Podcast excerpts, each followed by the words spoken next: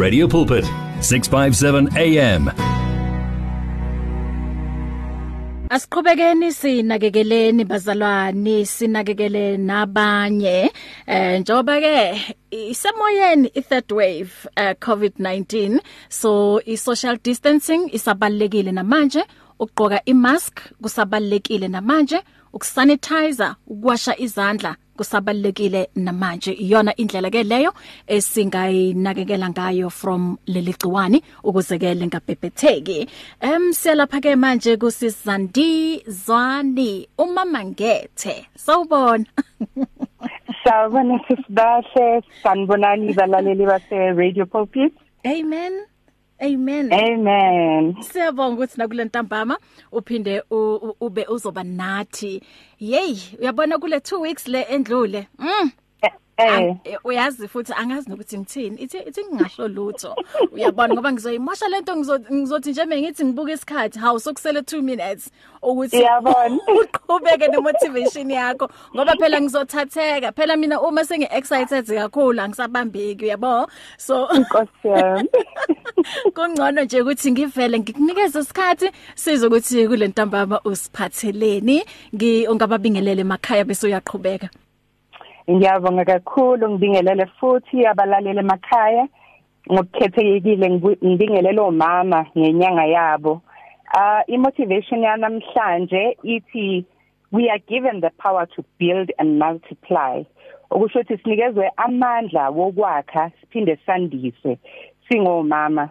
Ngithe mangifunda lapha incwadi yezaka iProverbs 14 Izaka 14 verse 1 It's a wise woman built her home but a foolish woman tears it down with her own hands ngesulithi owesifazana ohlakaniphileyo uyakha indlu yakhe kepha Mhm. oyisiwula uyayidiliza ngezandla zakhe Mm.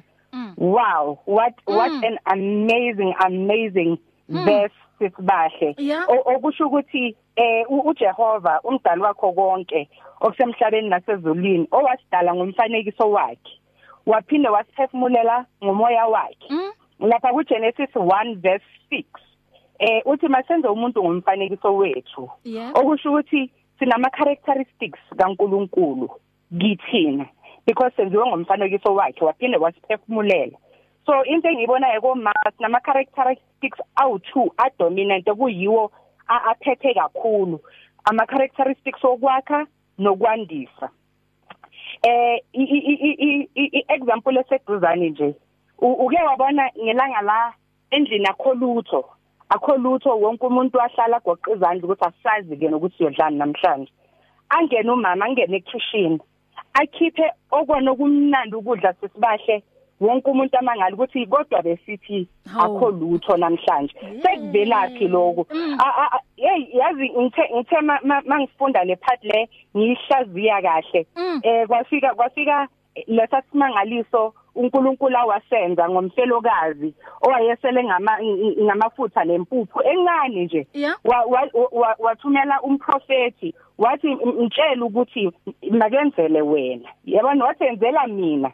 Bese amafutha nempuphu wayo awayikuyophela. Uyayibona Mm. so u- uNkulunkulu because usinikeze lama characteristics lawo usiphile le characteristic leyo kwakha nokwandisa. Even nale- naleyo miracle leyo yenzakala ngomama. Kwakungasi ubaba Yeah. owayesele namafushana nempuphu. Kwakuwumama owayesele ng- namafushana nempuphu bebezodla ngalelo langa nendodana.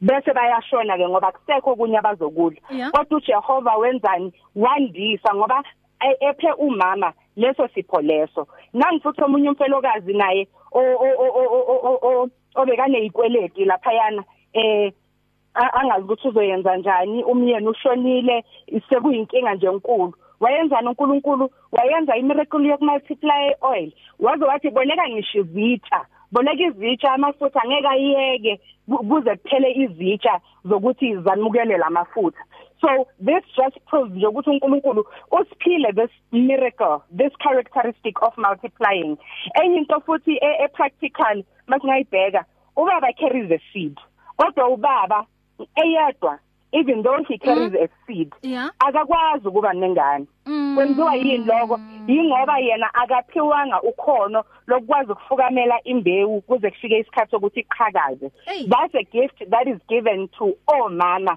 kuphela Mm. Akekho omunye umuntu ngaphandle komama who can do that. So kubalekile ke ukuthi siwazi lamandla lawa esinikezwe wona. Ngoba mawungawazi amandla waphethe ufana ne nokhozi an eagle ehlala mm. nezinkukhu mm. an eagle ehlala nezinkukhu ayazi ukuthi powerful kangakanani. Ayazi ukuthi ingaflya high kangakanani. Ayazi ukuthi isabeka kangakanani. So kubalekile ukuthi siwazi ipower enkulu oyiphethe but ongekho aware of yona i dangerous even to yourself. Because eh uyibhomu nje engadubula noma yini kodwa wazi ukuthi uyibhomu. Uyayibona leyo nto leyo mhm, mhm. so kubalekile ukuthi siwazi amandla swaphethe bese em ubaba angayakhi indlu kodwa indlu eyakhiwe ubaba enganamama igcina ngokuba yindlu. Ikhaya lenziwa umama. Mhm. umama uletha imfudumalo. Umama wenza leyitina nesimende. Zibe yindawo emnandi ekungaphileka kuyo. So kuya multiply kuba more than just a house it becomes a home. Ngakho ke eh okay okay. Nayi enye indaba la nayi enye indaba la esiyiphethe eh kuma proverbs 27 verse 15 izaga leso. Mm? It's a quarrelsome wife is as annoying as a constant dripping on a rainy day. Ngesizulu ke lisifanisa mm. lithi lithi owesifazana oxabanayo. Mm. Eh ufana nokuconsa okunganqamuki ngosuku lwemvula. Mm. Uyayibona? Singomama ke. Sina that that power to multiply. Imagine ke mawumama nomsindo umama onganakuthula ukuthi umultiplyansi sibahle. You know so kumele kubalekile ukuthi izimpi zomndeni wakho uzilwa kanjani. Yayibona mayithi lapha yana ku ku Proverbs 14:1 ukuthi owesifazana ohlakaniphile uyayakhi indlu ngezandla zakhe. Mm. em ungayibhidliza futhi wena ngezandla zakho futhi ngoba na na umndeni wakho la nazi ingane zidinga ukukhuzwa yabona? Kwathi isikhathi kuba khona ngisho ingxabano phakathi komama nobaba. Mm. kodwa kubalekile how you handle lezo zinto lezo. Because ma ma wesifazana ongahlakaniphile uzoba ngumsindo bese uba ngisicefe iBhayibheli lithi she's as annoying as annoying isicefe asidalelwanga ukuthi sizobanga isicefe sidalelwe ukuthi sizo multiplier lokho uNkulunkulu akudalile uNkulunkulu createile thina. Kumele ukuthi siqhubeke ngokukwakha sikumultiply. Yayibona? And owesifazane ongahlakaniphile angeke uzayibone eh impi iza ukuthi le akusiyimpi yenyama akusiyimpi ekumele ngiba ngumsindo kuyo le owesifazane ohlakaniphile uyakwazi ukubona cha le impi kamoya lithi iBhayibheli into esiyilwayo is not against flesh and blood. Lelo ukwazi ke umama ukuhlukanisa ukuthi le impi eh akusile kumele ngiba ngumsindo kuyo ngoba mangiba ngumsindo la ngiyabhidlisa khona izinto ekumele ukuthi siyedolweni sisibahle. Uba ngumsindo ekamereni edolweni ukhuluma nomdali wakho ucela ukuthi akulwele ngoba le impi ayilingani nawe akuseyenyanga ngoba abomama sinokulwa izimpi zomoya sizilwe ngenyama. Hey amadimoni akwenzeni? Uzuthi ngiloyiwe. Kanti awuloyiwanga yes kanti awuloyiwanga mama. Ulwa izimpi zomoya ngenyama. Awuso wesifazane ohlakaniphile uyabhidliza awuwakhi umuzi wakho. You know so kubalekile ke ukuthi nomsindo sibheke ukuthi umsindo onjani esiwenzayo. Njengoba ngisho ukuthi siya multiply wena umama onjani umultiply umultiplier inhlamba noma umultiplier uthando. Wandisa inzondo na noma wandisa ukuthula? Wandisa inhlebo na noma wandisa intshumayelo? Phela nokushumayela nako kuyadinga ukuthi sikwandise. Sanikezwa the great commission ukuthi we must go and preach the gospel. Umama wandisa nje ngomlomo wakho wandisani. Wandisa intshumayelo ushumayela izwi likaNkuluNkulu utshela abantu ngoJesu noma kwenzakalani. So kubalekile ukuthi we must be careful konke esikwenzayo. This is an automatic process ke. Awu choose ukuthi okay manje sengiya choose ukuthi ngiya multiply ubuwena. Konke okwenzayo kuyanda konke okwenzayo kuyakheka. Kodwa manje kukuwe ukuthi wakhani wakha izindlu zodaka noma wakha izindlu ezilungile e, ezizolasta yini? Uyayibona? Eh hey sisibahle incwadi kaLuke u1248 ithi for everyone to whom much is given much is expected. Okusho njengoba sinikwe lamandla ke uNkulunkulu holds us accountable. Kuzomela ukuthi lamandla lawa siwasebenzise responsibly ngendlela efanele. Ngoba masiwasebenzisa ngendlela engafanele siyamosha. And eh nalelinye verse la engilithandile la ku Matthew 25:18 elikhuluma ngale ngale ingceke inikezwa ama talent and then leya nikezwe italent elilodwa yalifihla.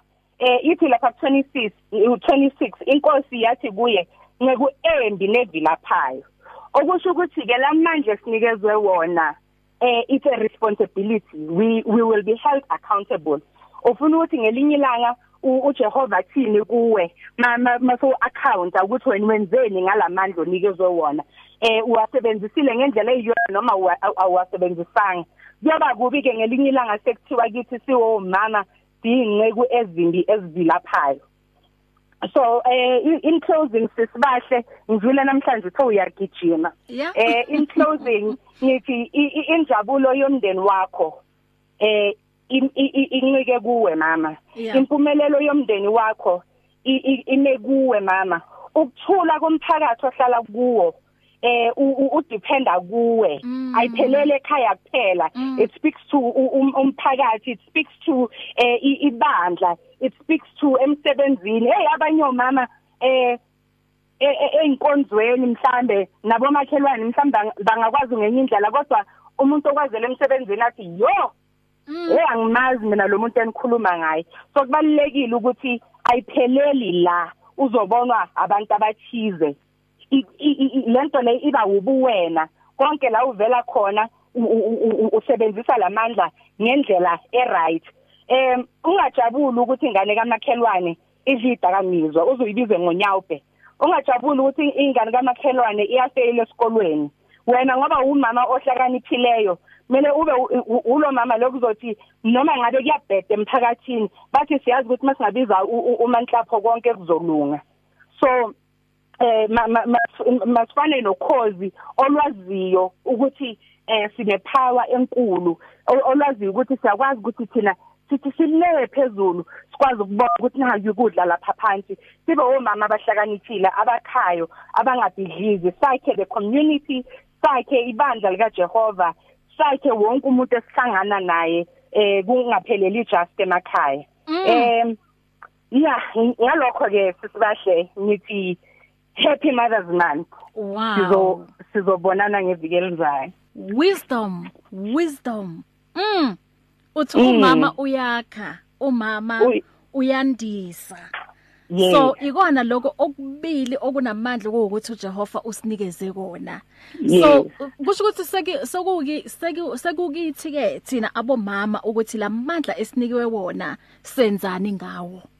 Ngoba u- u- yebo lawo mandla ngawasebenzisa kodwa wasebenzisa ngendlela ewrong uthola ukuthi uyabhidlisa lawo mandla ungawasebenzisa ngendlela ewrong othola ukuthi em kunokuthi umultiply uthola ukuthi wena nje siyehla nje isibalo salokho kumele u- ukumultiply Yebo. Ey inamandla imotivation. Okhalimambo nawe uyasho uthi amen. Uthi amen.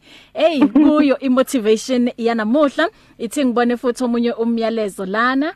Eh phuma kubani? Good day sisibahle and the family of um radio pulpit. Uthi yo powerful motivation. Uh, power of uh the tongue is so important singama Christu thank you so much and god bless you. Uthi god bless you u Ayanda Funi.